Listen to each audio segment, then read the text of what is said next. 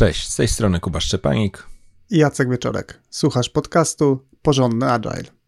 Rozmawiamy o tym, jak pracować zwinnie i jak robić to porządnie. Zapraszamy.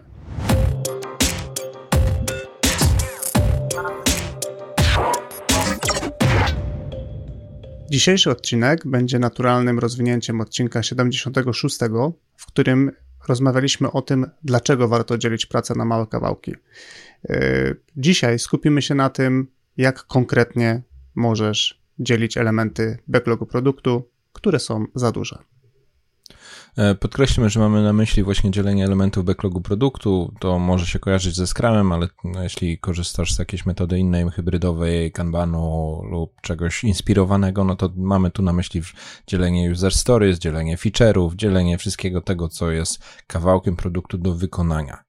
E, nie poruszymy natomiast kwestii, która podobnie może można by ją nazwać, nie poruszymy kwestii dużego produktu, e, który jest do podzielenia na mniejsze obszary, E, za które mogą odpowiadać różne zespoły. To jest takie dzielenie, które jest potrzebne przy okazji transformacji czy, czy jakiejś reorganizacji zespołów.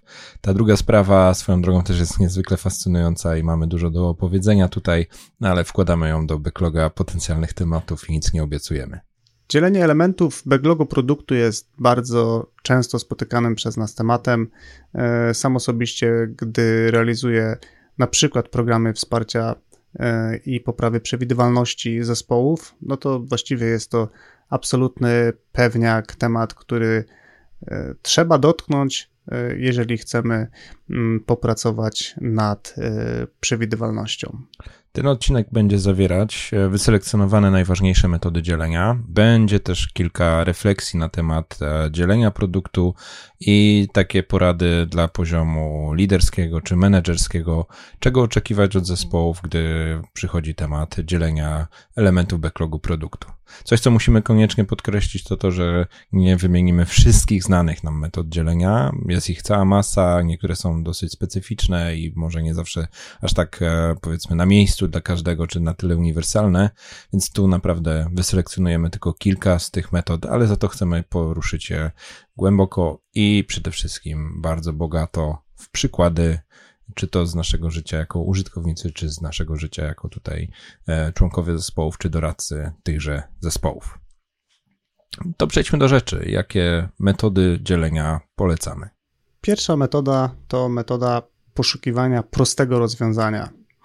E, jest to taka metoda bardzo generyczna, dlatego od tej metody chcieliśmy e, zacząć i polega na tym, żeby zastanowić się, czy konkretne rozwiązanie, czy konkretny feature, czy konkretny kawałek produktu, który chcemy zrealizować, czy można go dostarczyć na początku w jakiejś takiej dosyć mocno e, uproszczonej wersji, po to, żeby te wszelkie rzeczy, które są złożone i które zazwyczaj konsumują bardzo dużo czasu, a niekoniecznie zawsze mm, są konieczne, żeby oddać kawałek produktu naszym, użytkowniku, naszym użytkownikom e, realizować. E, takim przykładem z mojego doświadczenia e, to jest aplikacja Brand24, aplikacja do monitorowania social mediów, z której korzystałem po prostu przez interfejs webowy i pewnego dnia ściągnąłem aplikację mobilną. I moje takie początkowe wrażenie było takie, że coś tutaj zostało obcięte, nie mam podstawowych funkcji. Mm, natomiast kiedy chwilę się tą aplikacją pobawiłem, zrozumiałem, że wolę mieć dostęp do tak uproszczonego produktu, ale jednak mieć go na telefonie, y, niż nie mieć go w ogóle. No i tutaj ta metoda e, szukania prostych rozwiązań jest też o tym, żeby te proste rozwiązania e, być może pozwoliły nam szybciej dostarczyć e, to pierwsze rozwiązanie, tak jak w Jacka przykładzie, ale też proste rozwiązania to często są po prostu rozwiązania przyjazne dla klienta czy dla użytkownika. I tutaj przykład, który mi chodzi mocno po głowie, to to, jak obserwuję na przykład świat e-commerce'u, jeszcze z racji swoich bardzo starych doświadczeń pracy w czasach Allegro, że no, lata temu re rejestracja w internecie zawierała mnóstwo pól, była bardzo rozbudowana, często nie do końca znane reguły walidacji, jak wpisać numer telefonu, albo czy przyjmie kod pocztowy, zwłaszcza jeśli są jakieś strony, które mają użytkowników w wielu krajach. Natomiast no, metoda dzielenia przez proste rozwiązania idzie też w kierunku tego, żeby sobie zadać pytanie, jaki minimalny zestaw informacji potrzebujemy od klienta um, czy użytkownika, na przykład na etapie rejestracji i w pierwszej wersji, w pierwszej iteracji, w pierwszym kroku czy w pierwszym sprincie zróbmy taką wersję super prostej rejestracji, ewentualnie Będziemy ją rozbudowywać, jeśli będzie na to potrzeba. Być może poprosimy też klienta, żeby uzupełniał jakieś dane w późniejszych etapach korzystania z naszego produktu, ale tutaj to, to jest taki fajny, fajny moment, w którym proste rozwiązanie będzie łatwe do implementacji, szybciej dostarczymy rozwiązanie na rynek, a jak jeszcze zrobimy to mądrze, to przy okazji to będzie po prostu bardzo przyjazne dla klienta. Druga metoda dzielenia taka swego rodzaju specyficzna wersja tych prostych rozwiązań, o których powiedzieliśmy w pierwszym przykładzie, to metoda przez uproszczoną wersję interfejsu. Mamy tu na myśli taką sytuację, czy tak w przypadki produktów, które mają e, jakiś rodzaj interfejsu użytkownika i te interfejsy no, w wielu produktach mogą być bardzo wysublimowane, bardzo rozbudowane, też takie, bym powiedział, super dopieszczone. Natomiast e, zwłaszcza gdy jest mało czasu, zwłaszcza gdy chcemy chcemy szybko wypuścić jakieś rozwiązanie, zwłaszcza gdy tylko testujemy pewne hipotezy, nazwijmy to MVP, e, to możemy po prostu zrobić wersję trochę prostszego rozwiązania, trochę też prostszego interfejsu. Ja pamiętam e, już e, lata temu, gdy wraz z pewnym zespołem, który wspierałem, rozwijaliśmy dosyć w zamierzeniu czy w wizji bardzo dużą wersję produktu, pełną bardzo rozbudowanych dashboardów, no ale w pierwszych sprintach ten zespół zamiast e, generować mnóstwo wykresów, mnóstwo tabelek, mnóstwo jakichś takich fajnych opcji, które docelowo miały się w tym produkcie znaleźć, w pierwszych sprintach e, te same informacje były wyświetlane dosłownie w plain tekście, czystym, nieoszlifowanym, nieostylowanym interfejsem, bo o wiele ważniejsze było to, że tam są te informacje, te konkretne dane, a nie to, czy tabelka, czy jakiś wykres, czy jeszcze jakaś inna kołowa, um, kołowy diagram coś tam super prezentuje. Ja mam wrażenie, że w ogóle bardzo często, e, albo odwrotnie, bardzo rzadko e, ta metoda dzielenia jest wykorzystywana. Mm, taki bardzo popularny wzorzec, który obserwuję, to to, że pewien kawałek produktu jest definiowany wizualnie poza zespołem, czyli czy taki zespół designu, czy zespół UX, przygotowuje finalną makietę, no, na przykład strony logowania, o której wspomniałeś, czy jakiegoś innego elementu procesu. No i właściwie zadaniem zespołu jest po prostu oddanie jeden do jeden no, tego interfejsu, tak jak, jak on jest zrobiony, a na jest zrobiony w takiej wersji już ładnej, czyli te formularze są wymuskane, e, ładnie tam cienie padają, zaokrąglenia. To wygląda super i jest e, przyjazne dla użytkownika. Natomiast e, no, często to idzie w parze z tym, że ta hipoteza, że w ogóle ten formularz tutaj i ten feature w ogóle nie jest zbadana tak więc inwestujemy masę czasu, y, ergo pieniędzy w to, żeby to było piękne, a tak naprawdę nie mamy pewności, czy to jest w ogóle y, to. Więc y, no, pomysł tego, żeby najpierw zrobić może nie brzydko, ale w uproszczony sposób i zbadać, czy to ma sens, no zdecydowanie jest metodą, którą rekomendujemy. Kolejną, trzecią metodą, o której chcemy dzisiaj powiedzieć, to metoda wybrania najważniejszych elementów pewnych kroków, które znajdują się w naszym procesie czy, e, czy w naszym e, workflow.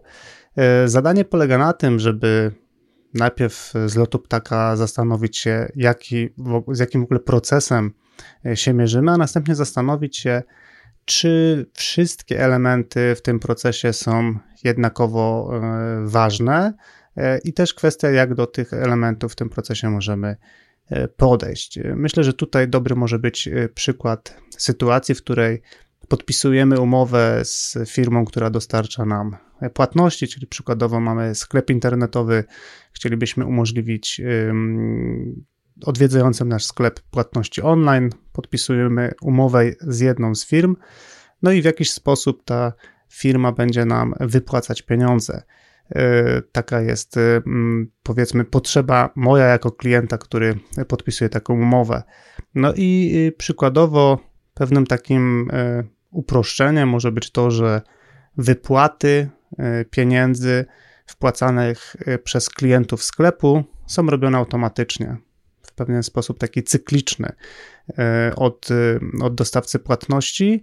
No i jest to prostsza wersja niż e, umożliwianie użytkownikowi definiowania sobie jakiegoś własnego schematu wypłat, nie wiem, co drugi poniedziałek, e, w dni nieparzyste, no tam można, e, można tu, wymyślić masę różnych warunków ludziom, które mogą przyjść do głowy. Natomiast tutaj po prostu upraszczamy, że idzie automat, on wypłaca na przykład co dwa tygodnie, niezależnie od tego, ile, ile tej kwoty jest do wypłaty, albo w inną stronę nie wypłacamy mniej niż, szczeram, 1000 zł. I też automat po prostu, jak się uzbiera 1000, e, to wypłaca. No i Workflow e, to jest bardzo wdzięczny temat, e, ma jednocześnie czasami niektórych przerażający. Ja sam e, sporo swoich doświadczeń, sporo lat spędziłem w, instytuc w instytucjach finansowych i tutaj te workflow to często są jakieś procesy biznesowe, ale dotyczące również interakcji z klientem, więc to na przykład będzie jakiś rodzaj wniosku albo zakładanie czegoś, albo mm, procesowanie pewnego oczekiwania czy żądania klienta. No i klasycznym sposobem na realizację workflow e, jest e, robienie go krok po kroku. Mamy pewne wyobrażenie kompletnego procesu i budujemy sobie kroczek po kroczku, zaczynając od tego pierwszego etapu. W większości tych etapów w instytucjach finansowych to jest klient czegoś chce i zgłasza się do banku i czy tam ubezpieczeniowej firmy i, i zaczynamy zabawę. No i to, co teraz mówię z lekkim przekąsem, to jest swego rodzaju przekleństwo dla ekip wykonawczych tego typu procesy, ale to też jest e, często dramat dla klienta, który musi się przekopać przez e, tonę ekranów, e, dziesiątki pól, które są do wypełnienia, załączniki, które trzeba wysłać. No i tutaj, jeśli wracamy do dzielenia, to znowu może być tak, że przy okazji wymyślimy sporo uproszczeń, ale y, wyjdę już z tej przyjazności dla klienta i wrócę do koncepcji szybkiego dostarczenia rozwiązania e, mniejszymi kawałkami. Dzielenie workflow na pierwszy krok, drugi krok, trzeci krok i czwarty krok, z zasady powiem, że to jest e, zły kierunek i te szukanie najważniejszych elementów trzeba zrobić tak poprzecznie, czyli na przykład um, zróbmy najprostszą wersję z e, wypełnienia wniosku, e, zastanówmy się, czy drugi krok w ogóle jest potrzebny, może możemy go w pierwszym etapie pominąć i tak dalej, i tak dalej. I żeby przejść na bardzo konkretny przykład, no to załóżmy, że składamy wniosek o kredyt, w takim najbardziej rozbudowanym workflow to by trzeba w ogóle się wykazać, że jestem klientem, udowodnić, że zarabiam pieniądze, 17 e, razy potwierdzić, że na pewno to spłacę i to jest bardzo rozbudowany proces. Ale dla klientów e, banku, w którym już mam konto, czy mojego własnego klienta z perspektywy banku już mi znanego, może da się to bardzo uprościć. Czyli e, może w pierwszym sprincie, czy w pierwszych kilku wersjach e, rozwiniemy kredyty dla istniejących klientów, wtedy te składanie wniosku jest o wiele prostsze, e, sprawdzenie jego zdolności kredytowej też jest prostsze i cała masa innych kroków też będzie o wiele bardziej banalna. To będzie uproszczona wersja produktu, produktu. Zajmiemy się tymi bardziej skomplikowanymi kawałkami e, w następnych krokach, a być może nawet już tej, tej perspektywy takiej czysto biznesowej, przynajmniej na tych klientach obecnych, może już możemy zacząć zarabiać e, dzięki szybszemu wypuszczeniu rozwiązania, które, które już częściowo rozwiązuje przynajmniej część potrzeb klienta. Czwartą metodą dzielenia produktu, którą chcemy tutaj wymienić, to jest e, podział przez najistotniejsze operacje.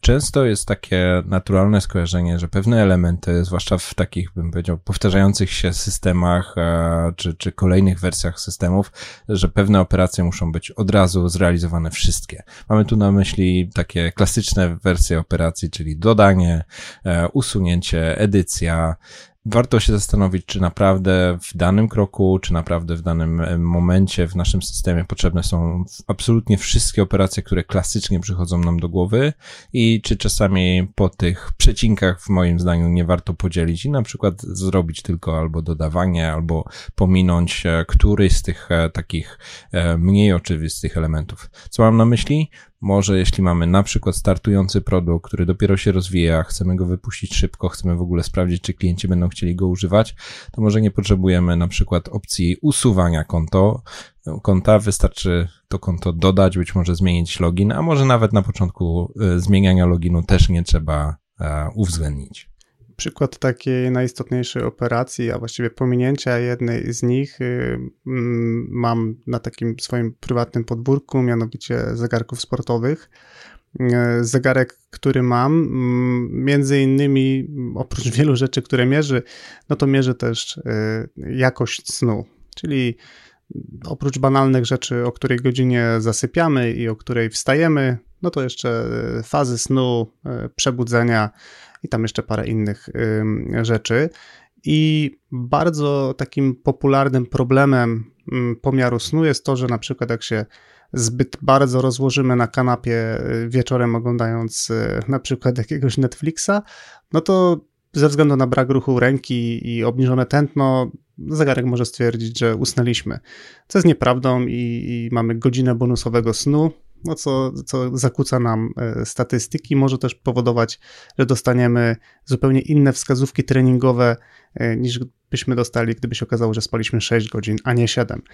I mm, funkcja, która dopiero niedawno została dodana przez firmę Polar, y, to jest funkcja, która pozwala przyciąć ten sen na takiej zasadzie, że jeżeli nieprawdą jest, że zasnąłem wcześniej, no to z poziomu aplikacji mobilnej, w sumie też jest ciekawe, bo tylko z poziomu aplikacji mobilnej, a z poziomu interfejsu webowego już nie, co jest też w sumie oddzielną w ogóle warstwą cięcia, mogę sobie powiedzieć, dobra, nie usnąłem o 23, tylko tak naprawdę e, o północy. Tej funkcji bardzo długo nie było, e, co pokazuje, że e, jest to popularna metoda cięcia, jakby no, wycinając operacje, które z jakichś tam powodów są uznawane za mniej istotne albo mniej istotne w tym momencie. Następny sposób y, mm, dzielenia backlogu y, produktu na mniejsze kawałki to jest sposób po częstości używania y, konkretnych elementów czy konkretnych feature'ów. Założenie stojące za, tę, za tą metodą jest takie, że no co do zasady chcemy rozpocząć rozwój naszego produktu i oddawanie jego przyrostów od tych rzeczy, które są najczęściej używane czy oczekiwane przez użytkowników. Przykład, y, pozostając y, w tych zegarkach, y, no, o wiele częściej użytkownicy oczekują, że zegarek sportowy wyświetli im bieżące tętno w trakcie treningu, niż na przykład coś, co też się pojawia, ale jest o wiele e, rzadziej używane, momenty wschodu i zachodu słońca. Czyli przykładowo jesteśmy w górach, chcemy wiedzieć, o której zaczyna się robić ciemno, kiedy jest ciemno, kiedy właściwie ostatnie światełko widzimy, no żeby na przykład ocenić, czy zdążymy dotrzeć e, do schroniska. Natomiast no, jest to bardziej taka już e, funkcja, nazwijmy to outdoorowa, no a ludzie co do zasady chcą mierzyć tętno, więc wiedząc to, że jednak najbardziej pożądaną funkcją jest jednak e, jasność co do tego, jak często bije moje serce, no to dodajemy tą konkretną funkcję wcześniej. A ja wrócę do przykładu z świata e-commerce. Załóżmy, że jesteśmy osobami odpowiedzialnymi za rozwój e, sklepu czy jakiejś e, funkcji sprzedaży w e, naszych produktów czy w ramach naszej, w ramach naszej firmy. Częstość używania elementów może powodować, może być sposobem na wybranie najistotniejszych czy priorytetowych feature'ów, które chcemy dołożyć i na przykład nie wszystkie formy płatności będą tak samo popularne, czy tak samo nie wszystkie formy dostawy będą tak samo często używane i tak samo oczekiwane przez klienta.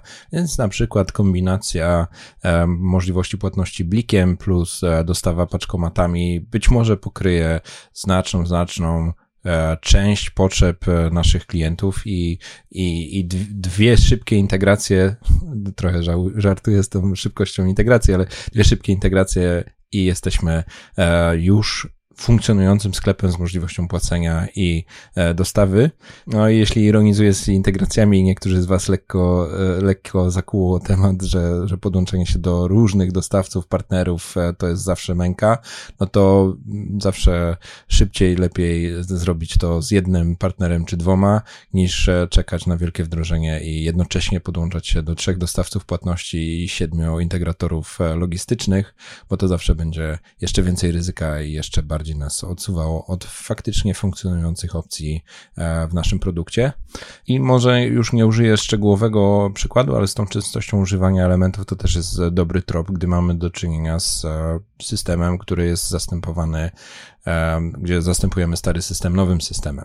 Też wtedy warto rzucić okiem, czy faktycznie musimy jeden do jeden odzorować cały stary system, czy czasami, jeśli nie zrobimy takiego trochę rankingu, co jest najczęściej używaną funkcją, jakie kroki w procesie, jakie, czy dosłownie przyciski na interfejsie, jakie są potrzebne, a jakie są trochę mniej potrzebne, to może nie dość, że pozwolić nam e, przeselekcjonować rzeczy, które są do zrobienia w pierwszej kolejności, ale nawet wybrać rzeczy, które może w ogóle ich nie musimy robić i możemy je pominąć, albo przynajmniej na pierwszym etapie zobaczyć, czy w ogóle ktoś będzie o nie zabiegał.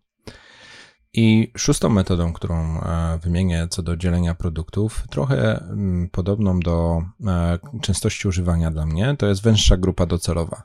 Jeśli produkt jest e, kierowany do dosyć szerokiej grupy odbiorców, to może się okazać, że ci grupy, że ci odbiorcy między sobą się trochę różnią co do oczekiwań i też częstości wykorzystywania pewnych funkcji czy pewnych feature'ów. I e, to jest oczywiście zawsze ciężka decyzja produktowa. Najlepiej, żeby bazowała na jakichś bardzo konkretnych faktach, na konkretnych też e, założeniach biznesowych, ale może się okazać, że jeśli zawęzimy grupę docelową, to uzyskamy pewną pewną uproszczoną potrzebę produktową, czyli pewne elementy produktu mogą się okazać niepotrzebne dla wyselekcjonowanej grupy docelowej, co może pozwolić też na trochę odchudzenie tego produktu i przyspieszenie na przykład wdrożenia czy przyspieszenie dostarczenia jakiejś kolejnej wersji e, rozwiązania.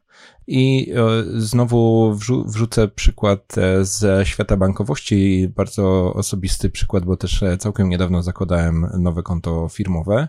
No i się okazało, że proces zakładania drugiego konta firmowego w banku, w którym mam pierwsze konto firmowe, to w zasadzie jest praktycznie wyklikanie dwóch, trzech przycisków i już je mam. I w ogóle byłem w szoku, że już mam to konto. No bo tak zakulisowo to wiem, że to tak może funkcjonować, czyli też patrząc z perspektywy product ownera takiego rozwiązania, powiedzmy rejestracji konta w banku, może się okazać, że udostępnienie możliwości zakładania sobie nowego konta czy subkonta e, jest banalne, bo po prostu e, nie dotyczy mnie wiele ograniczeń czy wiele regulacji, e, które musiałyby być uwzględnione w przypadku zakładania konta przez osobę zupełnie dla banku obcą. I to nie wiem, czy znajdę biznes case'a na takie przypadki, ale to jest dla mnie taki bardzo wyrazisty przypadek, że węższa grupa docelowa po prostu ma zupełnie prostsze wymagania co do funkcji i jest możliwe przeprowadzenie tego o wiele sprawniej. Ja z kolei pozostanę w przykładzie sportowym.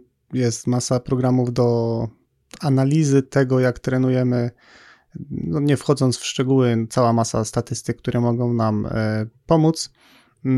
No i mm, sportowiec to też jest szerokie pojęcie, tak więc możemy w pierwszej kolejności na przykład e, oddać produkt dla biegaczy, w sensie jakieś funkcje konkretne dla biegaczy, na przykład, które wspomagają analitykę w kontekście przewidywanych czasów na najpopularniejsze dystanse, czyli tam 5, 10, 21 i, na e, odległość maratońską, no z czego na przykład nie ucieszą się osoby, które przykładowo trenują crossfit, e, no bo akurat dla nich te, te funkcje mogą być nieistotne. Tak więc zawężamy grupę, grupę docelową, e, nie robimy dla wszystkich, tylko konkretne rzeczy dla konkretnych użytkowników. I ostatnia metoda, celowo y, umieściliśmy ją na koniec, bo też jest trochę, trochę taka generyczna, to metoda polegająca na tym, że upraszczamy wszelkiego rodzaju wymagania pozafunkcjonalne. I tych wymagań pozafunkcjonalnych może być e, całkiem sporo. Takie dwie najbardziej popularne to na przykład bezpieczeństwo e, albo wydajność. Mm, I tutaj generalnie no jest e, przez to, że tych niefunkcjonalnych opcji jest cała masa, no to otwiera się nam też spory wachlarz tego, czym możemy sobie sterować.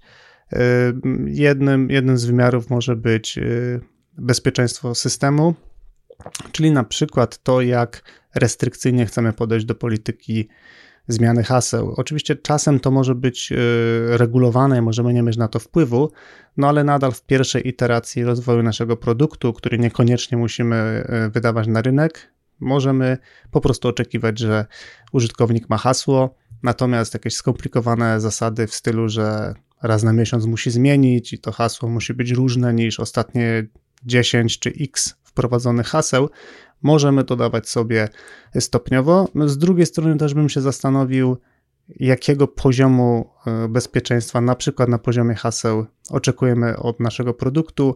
E, Kuba, masę przykładów podałeś e, bankowych, no to wyobrażam sobie, że tam być może jest mniejsza przestrzeń na jakieś kompromisy, no ale nie wszystkie produkty są tak krytyczne, więc może wymuszanie co dwa tygodnie, żeby się hasło zmieniło, no to no nie jest najlepszy pomysł e, dla naszego produktu.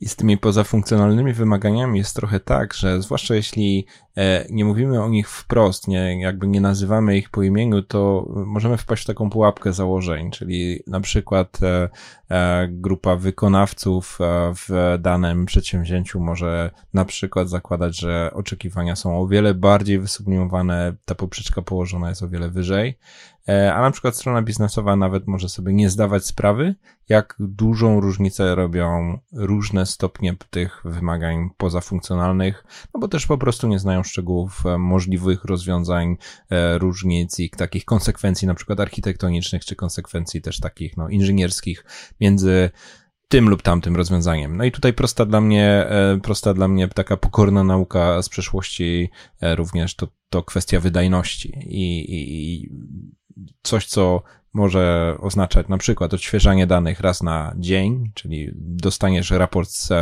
danymi z wczoraj, zajmie być może X, a, a wiele rzędów więcej pracy będzie do zrobienia, jeśli ja będę miał oczekiwanie, że ten raport będzie mi dawał informacje zawsze świeże co 5 minut, albo wręcz dosłownie co sekundę odświeżane. Zazwyczaj, no to jest oczywiście kwestia pewnie technologiczna, ale zazwyczaj będzie spory przeskok między tym, jak łatwo, jak, e, jak, jak pracochłonne będzie wykonanie w zasadzie wszystkich innych funkcji identycznych, tylko różniących się dokładnie tym parametrem. Więc tutaj warto sobie te rzeczy przede wszystkim głośno nazywać, a to trochę jest poza, poza nawiasem tego odcinka. A oprócz tego sobie jasno powiedzieć, że być może w pierwszej wersji nasze dane będą odświeżane relatywnie rzadko, ale już niosą jakąś wartość, a jeśli się okaże, że, że musimy to dorobić, to może w drugim, trzecim kroku e, w kolejnej wersji dorobimy ten sam feature czy tą samą funkcję, ale trochę bardziej wydajną, albo mm, trochę częściej odświeżającą się, albo mogącą obsłużyć większą ilość klientów e, jednocześnie. Trochę to tak startupowo zabrzmi, więc przełamy tą tutaj może korporacyjność banków, ale no e, może na początek e, miejmy w ogóle klientów i, i, i w drugim kroku będziemy się martwić, czy jak będziemy ich mieli milion, czy jesteśmy w stanie ich obsłużyć, bo może się okazać, że będziemy mieli super wydajną architekturę, no, która będzie tylko używana przez e, nas i naszych znajomych. I wychodząc już z tych przykładów i konkretnych metod, które chcemy zaproponować, kilka takich refleksji na koniec, będących swego rodzaju takim spięciem tych wszystkich e, rzeczy, które mam nadzieję, że już e, przychodzą Ci do głowy, gdy nas słuchasz, gdy opowiadamy o tym, jak dzielić. Przede wszystkim te metody dzielenia można łączyć, czyli to, że my je trochę tak sztucznie potraktowaliśmy osobno i też e, staraliśmy się, że może by, żeby te przykłady też na, siebie wzajemnie nie nachodziły, to tak naprawdę magia się zaczyna, gdy zaczynamy łączyć metody dzielenia, gdy dobierzemy je do swojego kontekstu czy do naszego produktu. No i szeregiem rozmów między zespołem, między stroną jakiejś interesariuszy, refleksji po tej stronie produktowej jest do, do uzyskania taki klasyczny efekt Pareto, czyli 20% wysiłku relatywnie niewiele funkcji, jest szansa, że dostarczy bardzo dużą część wartości, może te właśnie umowne 80% wartości. Przykład takiego łączenia, który oboje z Kubą e, kojarzymy z konferencji, to jest przykład przytoczony przez Henryka Kniberga, który opowiadał o tym, jak firma deweloperska współpracowała e, z policją w Szwecji nad rozwojem produktu, e, który zanim podeszli do tego w sposób taki zwinny, no to rozwijali, zdaje się, 7 lat i tam nie było sukcesów. No więc pomysł był taki, żeby no, w jakiś sposób y, szybciej dostarczyć rezultaty. Mm, no i to, na co między innymi się zgodzili, to to, że program, który miał wspomagać pracę policji y, w polu, w sensie kiedy są poza, poza biurem, y, no, miał całą masę możliwości, więc zaczęli się zastanawiać, jak można go dociąć. Tak więc na początku policjanci dostali produkt, który wspierał tylko wybrane przestępstwa, czyli dla części przestępstw można było pracować online, dla części trzeba było wrócić do biura. E, co więcej, e, te wybrane funkcje działały tylko na początek w wybranym regionie Szwecji, czyli nie dla wszystkich, tylko dla jakiegoś zawężonego obszaru. Link do e, tego mm, case'a dołączymy do materiałów, gdyby ktoś miał ochotę sobie go przeczytać i pogłębić. Kolejna refleksja, którą chcę się podzielić, to jest taka myśl, e, która Jacka zawsze śmieszy, czyli e, myśl o tym, że dzielenie jest fraktalem. E, czyli na początku zastrzegałem, że, że, że nie mówimy tu o dzieleniu produktu jako całości, powiedzmy całej platformy Allegro albo wszystkich funkcji w banku, jakie są. Natomiast myślę, że tutaj jest do uzyskania taki trochę efekt, że niezależnie od tego, czy my mówimy o jakimś całym gigantycznym systemie, który kilku kilka lat będziemy rozwijać. Czy mówimy tutaj o e, kwartalnym, jakimś większym wdrożeniu? E, czy mówimy tutaj o zawartości pojedynczego sprintu, czy dosłownie jednego feature'a, takiego już naprawdę chudziutkiego? Dalej myślę, że jest miejsce na to, żeby się zastanowić, czy jesteśmy w stanie jeszcze to odchudzić czy przez pryzmat tych siedmiu metod, które wspomnieliśmy, czy przez pryzmat jakichś kolejnych, jakichś, jakichś zupełnie przez nas samodzielnie wymyślonych.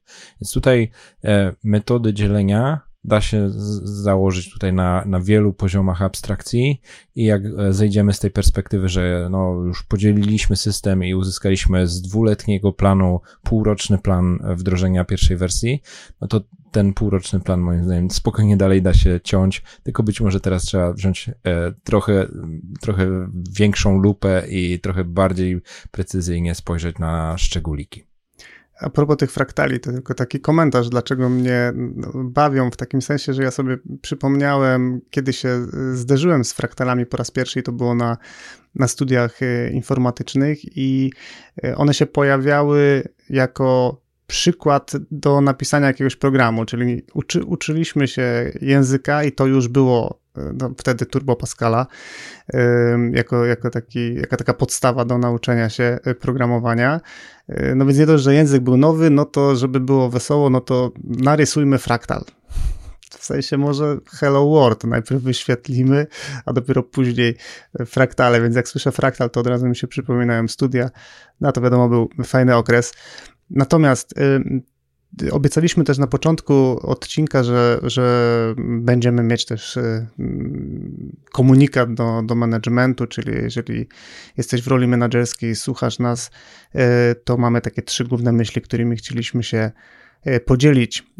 Pierwsza myśl jest taka, że przede wszystkim warto dzielić pracę, warto dzielić backlog produktu, warto dzielić produkt na mniejsze kawałki sporo argumentów e, na ten temat przedstawiliśmy już w odcinku 76, więc jeżeli nie słuchałeś lub nie słuchałaś tego odcinka, to zachęcamy do e, odsłuchania, mm, a z mojej perspektywy jest to o tyle istotne, że osobiście w swojej pracy zawodowej, kiedy pracuję z klientami, nadal spotykam się z kwestionowaniem sensu dzielenia.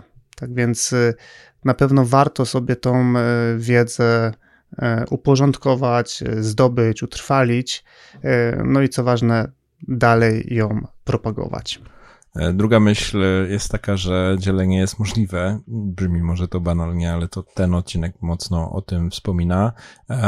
No, ja na bazie swoich dzisiejszych doświadczeń w kwestii dzielenia zajmuję zawsze takie dosyć e, ostre stanowisko. E, przyjmuję założenie, że na pewno się da podzielić. Tylko jest kwestia tego, żebyśmy znaleźli sposób. I wiele osób właśnie, gdy, gdy pracuje z konkretnym zespołem, na początku trochę ma ochotę e, podjąć wyzwanie, albo inaczej rzucić je mi, no ale na szczęście zazwyczaj dosyć szybko udaje nam się znaleźć jakiś sposób dzielenia lub odkryć wszystkie te założenia, które zakładamy, czy przyjmujemy, żeby, że, że, że nie dzielimy, bo jest to dla nas w naszych głowach jakieś drogie, trudne, żmudne i parę innych tego typu rzeczy.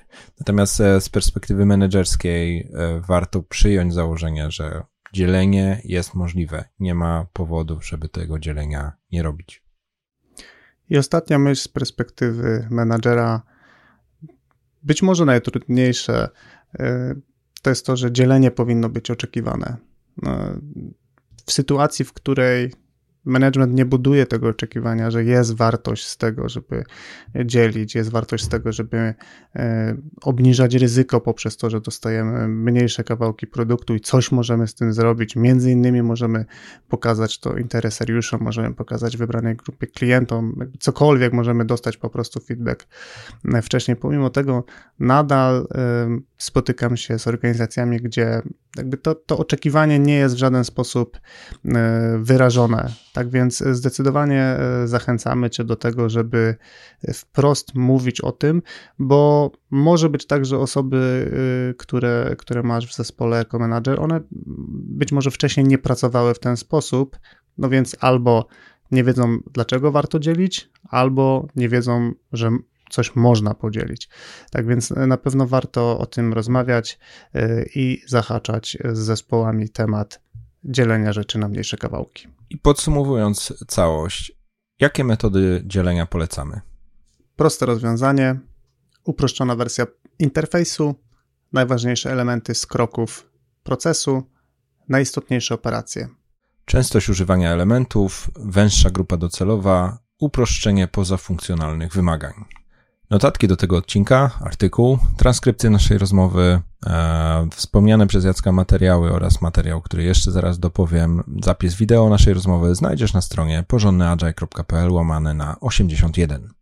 A wspomniany dodatkowy materiał to polskie tłumaczenie User Story Splitting Patterns, które wspomnieliśmy już przy okazji 76 odcinka. E, polskie tłumaczenie jest przygotowane przez e, Ewę Koprowską i Łukasza Szóstka, których przy okazji gorąco pozdrawiamy. E, ten materiał jest co do treści identyczny jak wersja angielska, ale wiemy, że dla niektórych może być po prostu przyjaźniej i łatwiej przyswoić taką wersję dobrze przetłumaczoną na nasz język. Polecam zajrzenie do materiałów na stronie. Niestety głośno nie przeczytam linka, bo jest on kompletnie nieprzyjazny i nie ma sposobu, żeby go e, tutaj przekazać. Po prostu musisz zajrzeć na stronę porządnyagile.pl łamane na 81. Na koniec tego odcinka zapraszamy Cię na nasze świeże miejsce e, na mapie social mediów, czyli na nasz e, Instagram. Będą się tam pojawiać e, treści mm, i wideo, i, i graficzne, podsumowujące oczywiście najistotniejsze mm, i wartościowe kawałki z naszych rozmów. Sporo treści, które publikujemy, znajdziesz też na naszych pozostałych profilach społecznościowych. Tak więc zapraszamy Cię do polubienia, odwiedzenia, zasubskrybowania Instagrama, czy LinkedIna, czy Facebooka, czy Twittera. We wszystkich tych e, social mediach jesteśmy i czekamy e, na Twoją obecność i komentarze. A w tym odcinku to by było na tyle. Dzięki Jacek. Dzięki Kuba. I do usłyszenia wkrótce.